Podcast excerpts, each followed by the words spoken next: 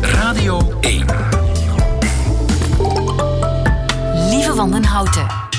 Nieuwe feiten. Dag en welkom bij de Nieuwe Feiten podcast van 3 november 2021. In het nieuws vandaag dat Facebook dood is.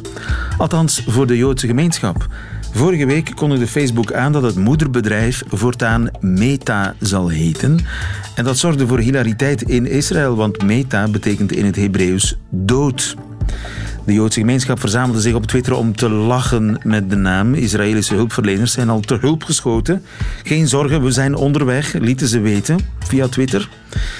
Bijna zo gênant als toen Honda in Zweden een auto op de markt wilde brengen onder de naam Vita. Wat in het Zweeds zoveel betekent als kut. Het werd de Honda Jazz. De andere nieuwe feiten vandaag. De zaak Kathleen Stock in Engeland. De feministische lesbische professor filosofie die moet opstappen onder druk van LGBTQ-activisten. Op Madagaskar zijn apen betrapt bij het samen zingen. Vingerafdrukken op een mes verraden niet alleen wie het heeft vastgehouden, maar ook wat hij ermee gedaan heeft. En waarom de panda zwart-wit gevlekt is, dat hoort u in de woensdagquiz. De nieuwe feiten van Nico Dijkshoorn, die hoort u dan weer in zijn middagjournaal. Veel plezier. Radio 1. Nieuwe feiten.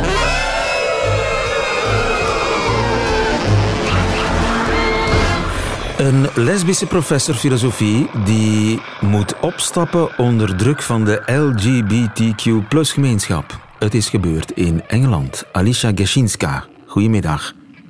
Goedemiddag, Lieven. Je bent filosoof en schrijver. Je bent vaak in Engeland geweest. Je hebt er ook gewerkt, geloof ik, hè? Ik werk er nog steeds. Je ik werkt werk er nog de steeds? University, ja, aan de University of Buckingham. Maar natuurlijk door corona gebeurt alles online. Uh, maar ik werk er nog steeds. Ja, dus jij kent die zaak uh, een beetje, of zelfs uh, goed. Ja. waar gaat het over? Het gaat over professor Kathleen Stock. Die, ja, precies. Die het voor bekeken houdt, die opstapt zelf. Uh, ze gaf les aan de Universiteit van Sussex. In Brighton is dat, geloof ik, in Engeland. Ja. Na een Ja, een protestactie. 15 jaar lang. Ja, dus het is een zeer erudite filosoof in Engeland. Ze is uh, gespecialiseerd in esthetiek. Ze heeft echt aan goede universiteiten uh, gestudeerd en gewerkt. Oxford, St. Andrews, nu dus in, in Sussex werkzaam. Um, en zij is zo succesvol geweest in haar specialisatie dat eigenlijk esthetiek is. Hè. Muziek, literatuur, de betekenis van kunst. Daar heeft ze verschillende boeken over geschreven. Um, en daar heeft ze ook in, uh, in januari heeft ze daarvoor een lintje gekregen van de British Empire. Um, en dan is het voor de eerste keer eigenlijk losgebarsten naar zaak. Want ze heeft ook uitspraken gedaan over seksualiteit. En wat zegt ze? Zij vindt dat we de laatste tijd te veel focussen op gender. En dat er meer is dan dat. Er is seksen en gender. En wij moeten eigenlijk, als we kijken naar beleid en sociaal, is seks veel meer belangrijk, seksen, dan gender. Want je kunt uh, als man eruit zien of als vrouw eruit zien, biologisch, dat is dan je seksen. En hoe dat je je voelt, is weer iets anders. Je kan in een vrouwenlichaam jou meer man voelen. Um, en dat is dan je gender. Dat is meer dan, ja, dat is meer dan op je gevoel en wat dat je ook, hoe dat je ook wilt bejegend worden. Of dat je wilt aangesproken worden of als man of als vrouw. En uh, zij uh, heeft eigenlijk proberen duidelijk te maken dat ze, het, uh, dat ze het beleid een beetje te soepel vindt geworden in de zin dat we te veel op gender focussen en te weinig nu op seksen. En zij, is, En daar- zij heeft gender altijd beschouwd als iets uh, onderdrukkends, als iets vijandigs. Um, eigenlijk heeft ze, is ze is door haar studenten bijvoorbeeld, door die uh, haar transstudenten en zo, heeft ze wel altijd aangesproken op de manier dat ze wou. Dus ze erkent wel het gendercomponent. Uh, en ze respecteert dat ook van anderen. Um, maar waar dat ze wel dan op ja, vindt dat we te weinig oog hebben voor de seksen. Um, dat was eigenlijk haar, haar uh, punt dat ze probeerde duidelijk te maken. En daar heeft ze nu ook uh, een boek, boek over geschreven, waar dat ze dat dan meer duidelijk uitlegt. Ja. Uh, maar ik denk wat het probleem is, ja, wat haar mening ook is, of wat onze mening daarover is, het erge is dat ze wel zodanig bedreigd is geweest door een aanvankelijk een kleine groep studenten en mensen, maar dan, of, of activisten, maar ook gesteund door een deel academische filosofen, uh, die petities hebben getekend, uh, uh, opgestart en laten rondcirculeren, dat eigenlijk aan ontslag vragen, omdat ze haar, die mening van haar, als transfoob beschouwen. en een gevaar, als een gevaar zien. En het ging er hard aan toe, hè? want de politie die raadde de professor af om naar de campus te gaan. Ze, ze moest bescherming krijgen. Precies, het is een, een, heel hard uit de hand gelopen in feite, waardoor dat ze eigenlijk niet meer veilig was om les te geven. En uh, de universiteit steunde haar, de University of Sussex, maar zij kon haar werk niet meer naar behoren uitvoeren, waardoor ze heeft besloten om uh, ontslag te nemen. De universiteit stond achter haar. Ja, dat, dat benadrukt ze ook in interviews, dat ze de steun kreeg van de University of Sussex. Natuurlijk, ja, een universiteit, ja, die, staan, die, die, dat zijn uh, die staan open voor verschillende meningen. Dat moet ook zo. Hè. Moest de universiteit maar één, uh, één uh, dogma toelaten van denken, dan is het geen vrijhaven meer van denken. dan word je daar geïndoctrineerd en niet meer opgeleid als denker. Um, dus dus, dus er waren ook studenten die, die tegen haar waren. Dat zal wel zo zijn. En ook posters hebben ze gehangen en haar helaas ook, uh, sommige daarvan ook bedreigd. Ja. Nu, kan je er begrip voor opbrengen dat je als transpersoon uh, je gekwetst voelt door een professor die zegt, ja, gender is eigenlijk overroepen. Ik als, uh, laten we zeggen, rabiaat feministische lesbienne vind gender iets wat uitgevonden is door mannen om ons te onderdrukken. Ik verwerp het gender. Stel nu dat ze dat gezegd heeft, ik kan me dat voorstellen dat ze zoiets gezegd heeft, uh, dat, dat ik als transmens, ik heb een heel traject doorstaan, ik heb ontzettend veel geïnvesteerd in die, in die transitie, dat ik mij daardoor gekwetst voel. Ja, uh, uiteraard uh, uh, kan het zo zijn, en is het zo, dat ze uitspraken heeft gedaan die anderen hebben gekwetst. Ehm, maar het kwetsen, uh, kwetsende meningen ehm, kan nooit een reden zijn om iemand volledig monddood te maken. Want iedereen kan gekwetst zijn door iets. Daar moeten we heel voorzichtig mee zijn. Los van de Kathleen Stocks, nu de, de, deze case, denk ik dat wij heel voorzichtig moeten zijn met ik ben gekwetst door dat. Weet u, als ik morgen een, een slechte recensie ontvang, dan doet mij dat ook pijn. En de auteurs zijn gekwetst door slechte recensies. We gaan toch ook niet zeggen, laten we dan maar de recensies afschaffen. Dus het kwetsende is iets waar we moeten over praten. We moeten praten over elkaars gevoeligheden. We moeten ook elkaars gevoeligheden begrijpen. Maar daarvoor heb je een dialoog nodig. Een dialoog heb je net tussen mensen die van mening verschillen. En dat moeten we proberen aanmoedigen om dat gesprek te, te voeren. En niet om een gesprek eh, te laten dichtvallen of monddood te maken. Dus daar is iets waar wij moeten, denk ik, als allemaal, als uh, maatschappij, als uh, overwaken dat we het dialoog gewoon uh, blijven stimuleren. Ja, en is dat iets wat op dit moment speelt in de academische wereld? Dat mensen, dat, dat professoren eigenlijk bang zijn om iets te zeggen wat tegen de haren instrijkt? Ja, ja, ja, zeker. Maar op de universiteiten zie je dat. Je ziet dat ook onder schrijvers, journalisten. Uh, dat uh, soms moeilijker wordt om bepaalde uitspraken te doen. Of mensen beginnen aan zelfcensuur te doen. Omdat ze denken van, oké, als ik dit zeg, gaat het misschien verkeerd begrepen worden of wordt, het direct in, ik in een kamp geduwd dat ik niet wil zijn. Uh, je, je zei het al zelf aan. We hebben het hier nog altijd over een, een, een filosoof die zichzelf definieert als een linkse feministe die lesbisch is en zij is volgens een kleine groep zelfs nog niet links genoeg. En wat is het nu het resultaat? Is dat het eigenlijk koren op de molen is van uh, rechts en zelfs extreemrechts die het nu voor haar opnemen. En wie wordt daar beter van? Niemand. Alleen de extreemrechtse kamp groeit nu in Engeland daardoor met de Kathleen Stock um, uh, case. Ja. Um, dus het, dus het, wij moeten... Het ja. heeft iets barbaars, hè? Wat precies vindt u barbaars? Dat, dat we, ja, dat, we ja, dat een, soort, een soort menigte... Heksenjacht een, een soort, eh, Ja, een soort heksenjacht organiseert. Om welke reden dan ook? Dat is precies zo. Daar, daar, daar geef ik u in gelijk. Uh, kijk, ik, ben, ik kom uit een communistisch land, zoals u weet. Ik ben in uh, Polen geboren uh, toen dat communisme er was. En dat was zeer gebruikelijk om petities te laten starten om professoren te laten ontslagen, omdat ze niet de juiste dingen zeiden. En dat is, dat, dat is zeer, een zeer kwalijke tendens. Ik hoop dat we dat niet in Vlaanderen gaan meemaken.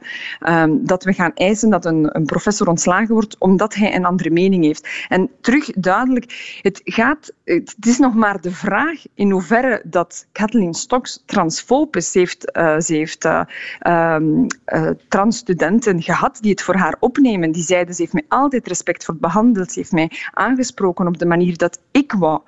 Het, het, de nuance die ze maakt, en nogmaals, u moet niet akkoord gaan met haar nuance, is dat ze vindt dat we te veel nadruk leggen op gender in plaats van seksen.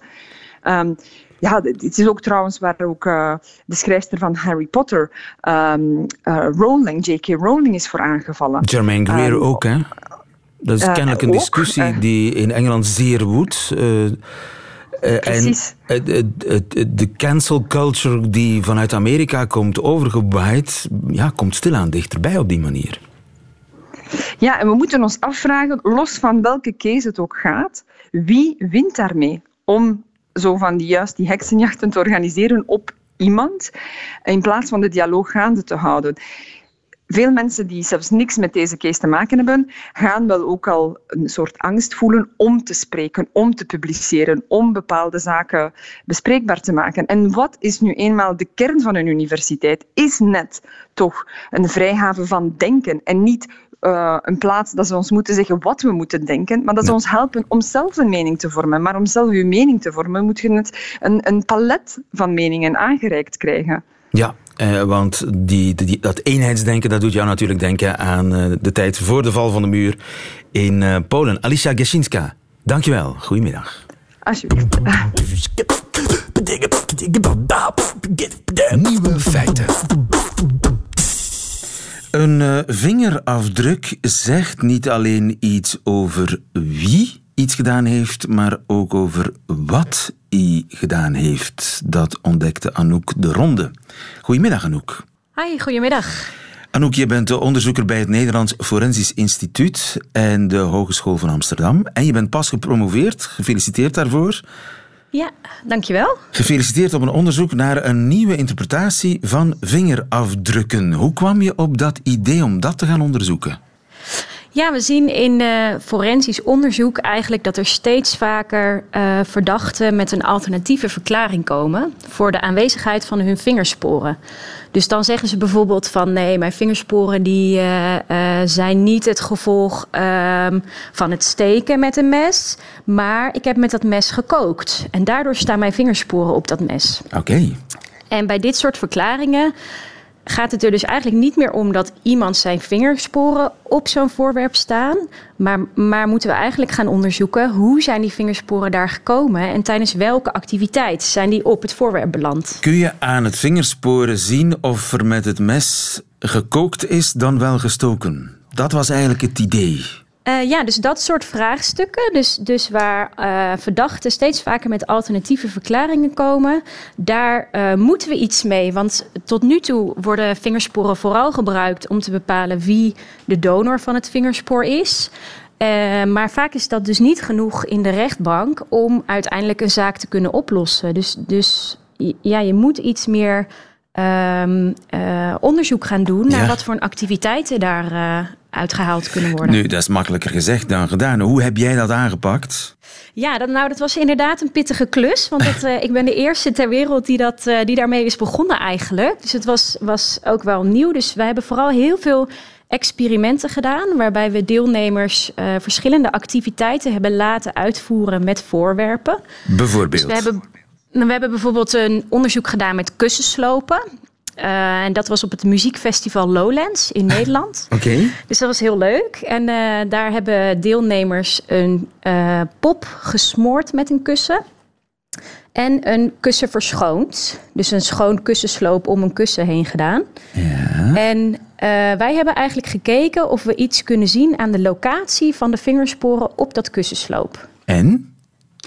En dat kon, ja. Dus we hebben een model ontwikkeld waarmee we uh, op basis van de locatie van de vingersporen op het kussensloop kunnen we uh, het model eigenlijk een soort van voorspelling laten doen welke activiteit er, er meest waarschijnlijk heeft plaatsgevonden.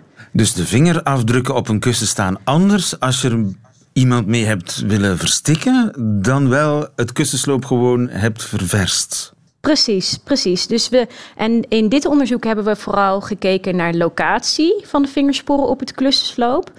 Maar je kunt je bijvoorbeeld ook uh, voorstellen dat de richting van de uh, vingers nog informatie kunnen geven. Of de druk die je bijvoorbeeld uitvoert bij uh, bepaalde handelingen. Dus dat zijn allemaal verschillende variabelen die je kan onderzoeken.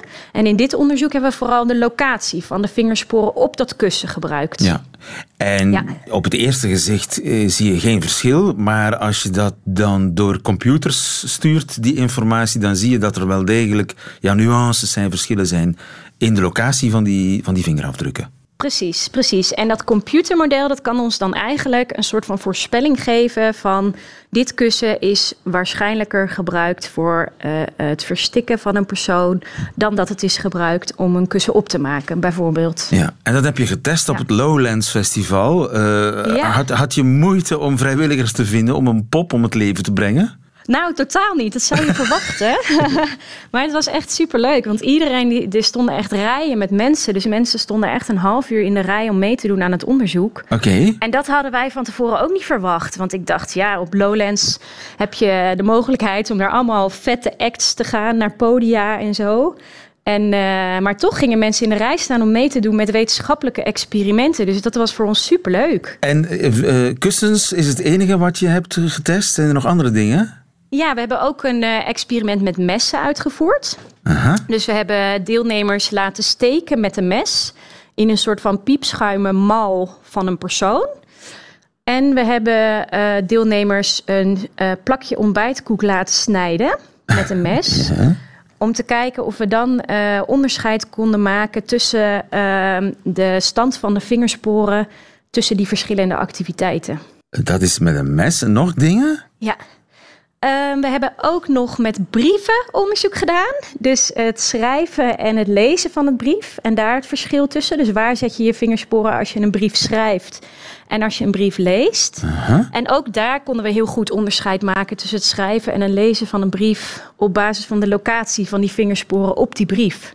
Oké. Okay. Dus uh, ja, we hebben echt verschillende experimenten uitgevoerd. En we hebben ook nog veel experimenten uitgevoerd die, uh, waarvan we de resultaten nog niet gerapporteerd hebben. Dus bijvoorbeeld met wijnflessen hebben we ook nog experimenten uitgevoerd. Heb je een fles gebruikt verder, uh, om uit, van te drinken of om ermee te slaan? Ja, precies. En daar hebben we wat meer handelingen getest. Dus daar hebben we um, iemand mee slaan, maar bijvoorbeeld ook een fles uit een wijnrek pakken of een fles uit de kast pakken of um, een glas wijn inschenken. Dus ja. daar hebben we iets meer handelingen getest en die data moeten we nog uh, uiteindelijk verder analyseren. En wat zou dan uiteindelijk een goed resultaat zijn dat je, laten we zeggen, met 80% zekerheid kunt zeggen, ja, maar die vingerafdruk op die fles, die, die is niet het resultaat van die fles gebruik om, om gewoon iets van uit te schenken, maar is echt gebruikt om mee als wapen, uh, om, om de fles als wapen te gebruiken. Hoe groot is de zekerheid waarmee je dat kunt vaststellen? Ja, uiteindelijk wij, in forensisch onderzoek werken wij uh, met een soort van waarschijnlijkheidsberekening. Dus zet je eigenlijk altijd twee hypotheses tegen elkaar af. Dus bijvoorbeeld, is het mes gebruikt om te steken of is het gebruikt om een broodje te smeren? Omdat je nooit met zekerheid kan zeggen um, dat het is gebeurd. Ja, maar je zit niet op ja. de 50-50 grens. Jij kunt best naar, naar 80-20 of 90-10 verhoudingen ja, gaan. Uh, nou, bijvoorbeeld het model uh, wat we gebruikt hebben voor kussenslopen. Uh, daarin hebben wij kussenslopen ingevoerd waarvan wij het juiste antwoord wisten. Dus wij wisten of deelnemers uh, een kussensloop hadden gebruikt om te smoren of om een uh, kussensloop te verschonen. En daaruit bleek dat het model met 98% zekerheid of 98% betrouwbaarheid um, daar een uitspraak kon doen. Dus dat was echt ontzettend hoog. Oké. Okay. Dus dat was heel mooi. Dus dat is een, een goede eerste bevinding. En nu is maar... het wachten op, op de eerste keer dat een rechter rekening houdt met jouw onderzoeksresultaten. Ja, nou ja, het is, het is nog wel echt een onderzoek wat in de kinderschoenen staat. Dus wat ik net ook zei, ik ben de eerste in de wereld eigenlijk die hiermee is begonnen. Dus wij zijn begonnen met de eerste experimenten, maar er is eigenlijk nog veel meer onderzoek nodig. Uh, wij hebben bijvoorbeeld heel erg die activiteiten heel erg gescheiden van elkaar. Maar uh, het is bijvoorbeeld ook mogelijk dat een kussen wat op een bed ligt, dat gebruikt is om te smoren, is waarschijnlijk ook daarvoor eerst opgemaakt. Ja. Dus de combinatie van die handelingen, daar moeten we echt nog verder onderzoek naar doen om uiteindelijk die data ook te kunnen gebruiken in de rechtbank. Ja, maar goed, het opent een Ja. volledig nieuw pad, zeg maar, in Precies. de interpretatie van eh, vingerafdrukken. Gefeliciteerd daarmee en mag ik je nog veel Ja, succes wensen. Anouk de Ronde, dankjewel. Goedemiddag. Ja, dankjewel.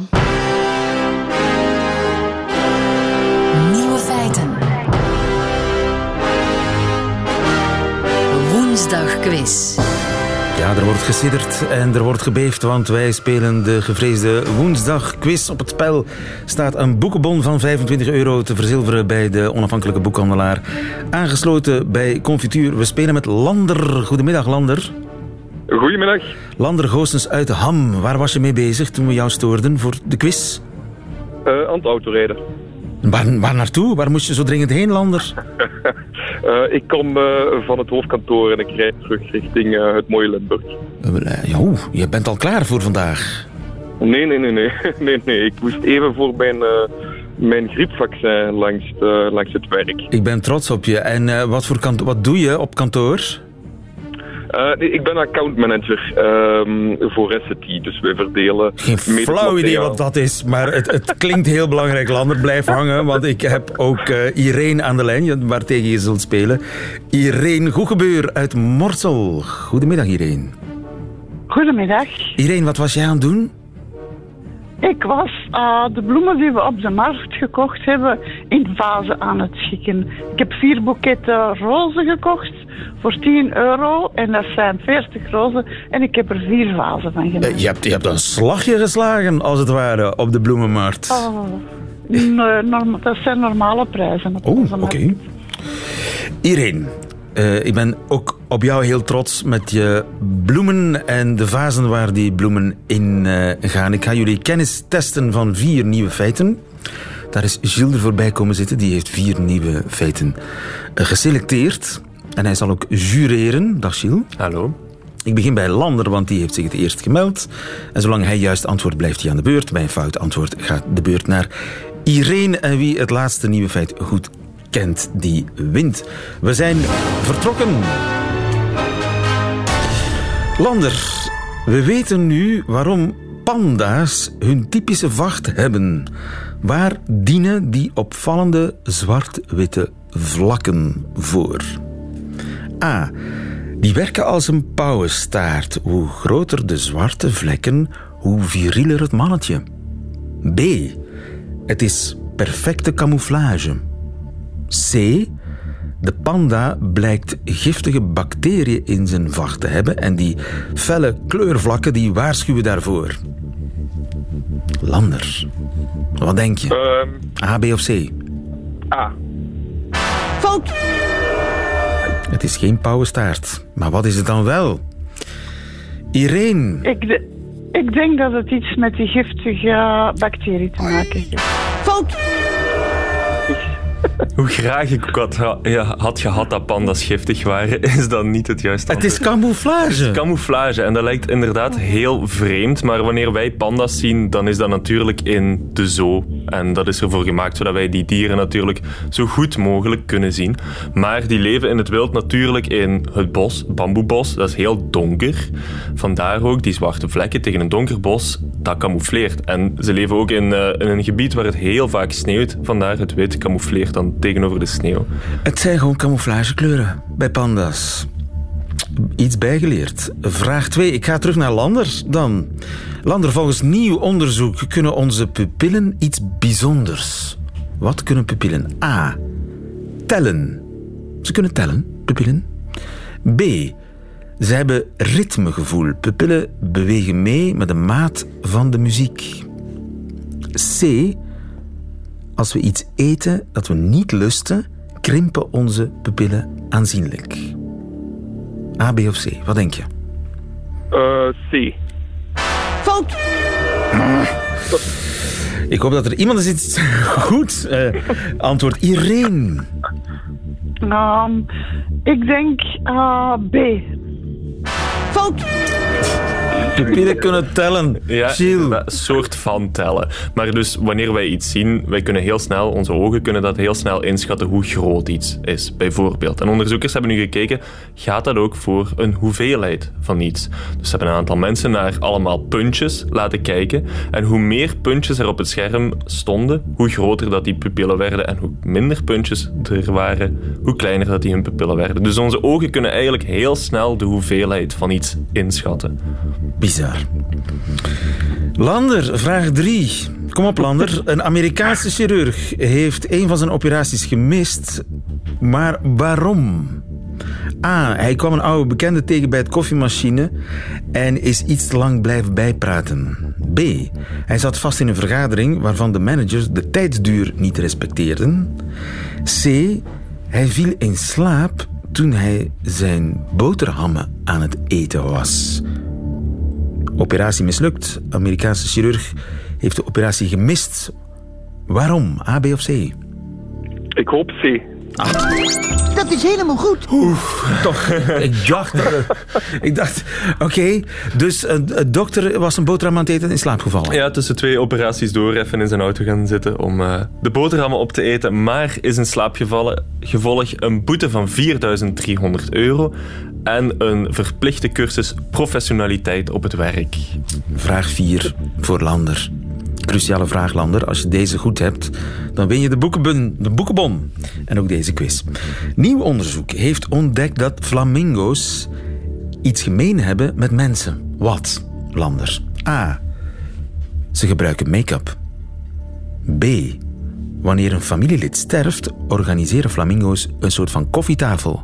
Nabestaanden gaan er samen op uit om afgezonderd van de rest iets te eten. C. Wanneer de ouders erop uitgaan, zetten ze de kinderen af bij de grootouders. Een van die drie dingen doen flamingo's. Lander. Ik hoop B. Fout. Irene. Go, Irene, go. Ja, dit is spannend voor mij. Het is ook erop of eronder. Ehm, ik ga voor de kinderen bij de grootouders. Helaas, helaas. Dat betekent dat wij een winnaar hebben.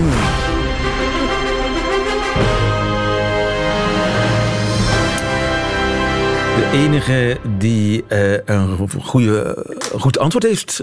Eén goed antwoord. Eén goed antwoord, dat was Lander. Eh, Lander wist niet wat flamingo's doen. Ze gebruiken make-up. Ze Dus. gebruiken inderdaad make-up. Dus flamingo's hebben een roze kleur van het voedsel dat ze eten. Dat zijn garnalen en algen. En als ze daar te veel van eten, dan wordt die kleurstof eigenlijk uitgescheiden door een klier dicht bij de anus. Nu, het, de evolutie wil eigenlijk dat flamingo's aantrekkelijker zijn tijdens het paarseizoen wanneer ze rozer zijn. Dus wanneer het paarseizoen aanbreekt, zullen flamingo's even met hun bek tussen de benen gaan en wat make-up, roze make-up op hun veren smeren en zo aantrekkelijker zijn. Het roze halen waar het zit. Exact. Smakelijk eten voor de rest, eh, iedereen die aan tafel zit. Dankjewel voor deze, dit nieuwe feit. Eh, Aan proficiat aan proficiat, eh, dat is sportief van Irene uit Morsel, die terug naar de bloemen gaat en de vazen. Ik wens je daar heel veel plezier mee en gefeliciteerd ook nog Lander. Weet je al, Lander uit Ham in het wondermooie Limburg, welk boek je gaat kopen? Ja, iets over flamingo's, denk ik. Goed plan, dankjewel Lander. En we hebben volgende week woensdag weer een woensdagquiz.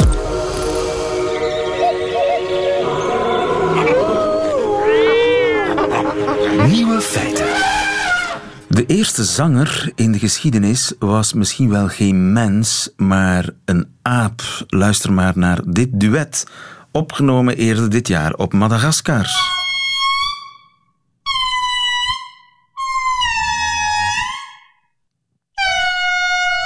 Oké, het is niet het bloemenduet, maar het gaat er toch een beetje naartoe.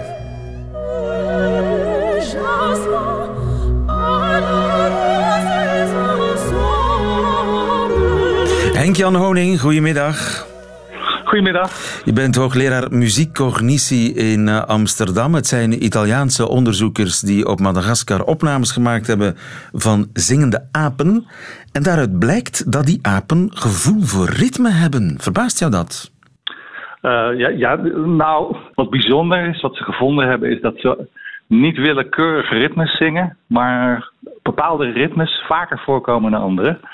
En dat zijn ritmes die uh, gelijkmatig zijn, zeg maar. Hè. Die één staat op één, uh, als, als, een, als een klok, als een metronoom.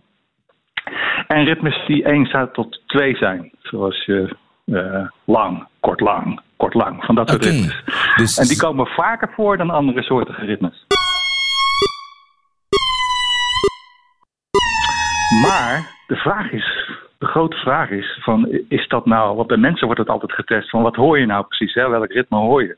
De vraag is ook of deze lemoeren dit zelf ook horen. Het zou ook nog wel eens een artefact, een, een, zeg maar een bijverschijnsel van hun vocale systeem kunnen zijn. Dat, ze gewoon, dat regelmatig gewoon lekker makkelijk te doen is en dat lang kort lang ook gemakkelijk te doen is. Want uh, lang, uh, precies het omgekeerde daarvan zie je bijvoorbeeld niet in een zang.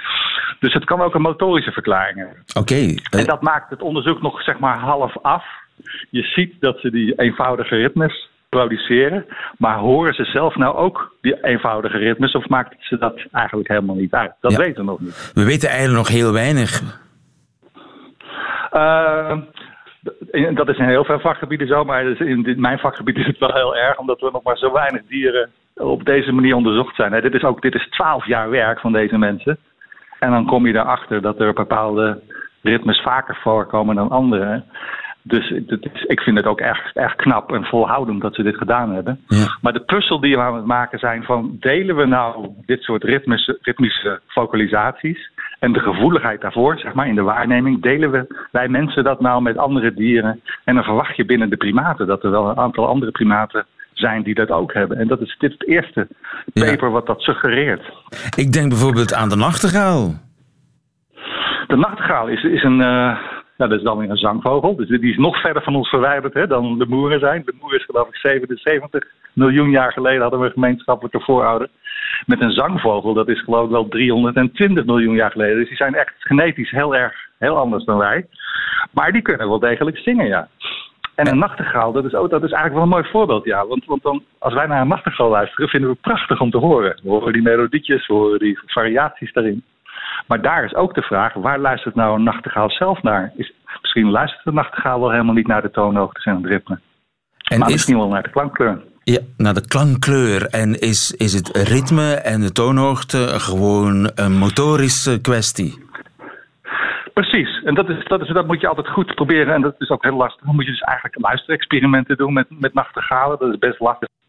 Moet je er eens met zebra vinken. Dat is een diermodel vaker gebruikt wordt. Wat je gewoon in het laboratorium, die kan je dingen laten horen. En dan kijken of ze verschillen tussen dingen horen. En daar weten we inmiddels relatief veel van. En duiven, hetzelfde. We weten bijvoorbeeld dat duiven, die hebben dus ook zo'n ritmisch zangpatroon. Hè? Eh, lang, kort, kort, lang geloof ik. Eh, maar dat produceren ze, maar dat kunnen ze zelf niet horen. Ze horen zelf niet als je daar dingetjes aan verandert dat het anders is. Dus Dus dat is ook weer die, die rare asymmetrie tussen wel iets kunnen produceren, maar het niet noodzakelijkerwijs daarom ook moeten waarnemen of horen. Ja, dus eh, we staan nog ver af van een eh, verklaring waarom apen zouden zingen of zich aan ritmes zouden houden. Daar eh, moeten we eerst nog verder onderzoeken of ze het eigenlijk wel horen. Ja, dat is eigenlijk de belangrijkste conclusie. En ik verwacht dat we uiteindelijk apen vinden die dat wel degelijk horen hoor. Dat is, dat is, het is zo'n. Anders zouden wij de enigste menselijke primaat zijn met maatgevoel. Want dat is eigenlijk de in ons vakgebied de belangrijkste notie: dat je de regelmaat wordt in de muziek en dat je kan meebewegen, dat je mee kan dansen. Zonder maatgevoel kan muziek niet ontstaan. Dus het is heel ja, voor ons intrigerend om maatgevoel ook bij andere dieren terug te vinden. En dat hebben we teruggevonden bij, eh, bij kakatoes, die kunnen dat. En eh, zeeleeuwen, die kunnen dat. Maar nog geen andere primaat. Dus we delen meer met kakatoes en zeeleeuwen dan we delen met andere primaten. En dat laat dit onderzoek eigenlijk indirect ook weer zien. Ja, eh, Dat dat zo moeilijk is. dat dat zo moeilijk is. Eh, op zoek naar eh, zingende zoogdieren. Henk-Jan Honing, dankjewel. Goedemiddag. Graag gedaan. En dat waren ze, de nieuwe feiten van 3 november 2021. Alleen die van Nico Dex horen nu in zijn middagjournaal. Nieuwe feiten. Middagjournaal. Beste luisteraars, gisteren stond ik in de keuken en Tanja zei tegen me: Houd eens op met al die rare professionele chef-kok bewegingen van je. Ik spartelde nog wat tegen. Ik zei: Nee, jij dan. Met je theedoekje over je schouder als je een ei kookt. Maar ik wist meteen: Ze heeft gelijk. Sinds kort beweeg ik als een chef-kok.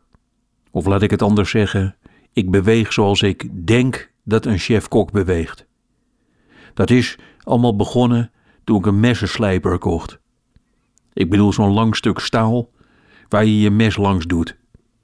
Ik vind dat een onweerstaanbare beweging. Eerst een beetje om je heen kijken, net alsof je nadenkt over alweer een nieuw verrassend gerecht. En dan gedachteloos je mes een paar keer langs dat staal bewegen. Wat ik hier ook onmiddellijk wil toegeven, ik ben meer met mijn eten gaan smijten.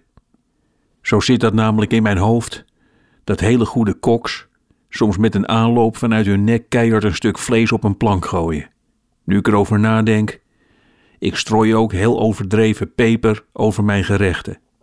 Ik doe de pepermolen van 300 euro heel hoog boven mijn hoofd. Dan houd ik de armen gestrekt en dan de peper naar het aanrecht laten regenen. Kortom, Tanja heeft wel een punt. Ik ben in een paar maanden tijd veranderd van iemand die doodsbang naar een bos koriander staat te kijken, in een man die heel hard vloekend zijn saus staat te roeren. Dat is ook een verandering. Ik schreeuw tijdens het eten, omdat alle tv-koks dat ook doen. Behalve Jamie Oliver. Maar dat telt niet, want die heeft een hazenlip. Dat schreeuwt niet lekker. Maar eerst roosterde ik bijvoorbeeld boterhammen en dan wachtte ik heel geduldig tot ze uit het broodrooster omhoog sprongen. Maar de laatste tijd schreeuw ik heel hard: Het zou een keer tijd worden. Ik heb nog wat meer te doen. Ik moet nog kwartels fileren. Nu Tanja dat heeft gezegd, voelt het opeens allemaal heel kinderachtig en probeer ik juist de andere kant op te bewegen. Heel teder koken. Een peertje tegen mijn wang aandrukken. Brood strelen alsof het mijn eigen buikje is. Wachten tot het brood uit het rooster springt en dan zeggen: Wat gezellig. Zijn jullie er al? Wat zijn jullie al lekker bruin? En daarna, luisteraars, natuurlijk wel meteen opvreten. Het blijft wel gewoon brood.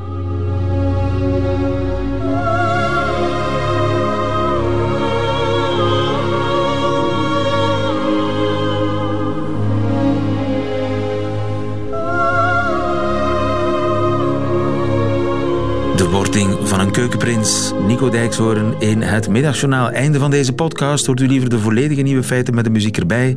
Dat kan natuurlijk elke werkdag live op de radio tussen 12 en 1. Of in uitgesteld relais via de Radio 1 app of radio1.be. Tot een volgende keer.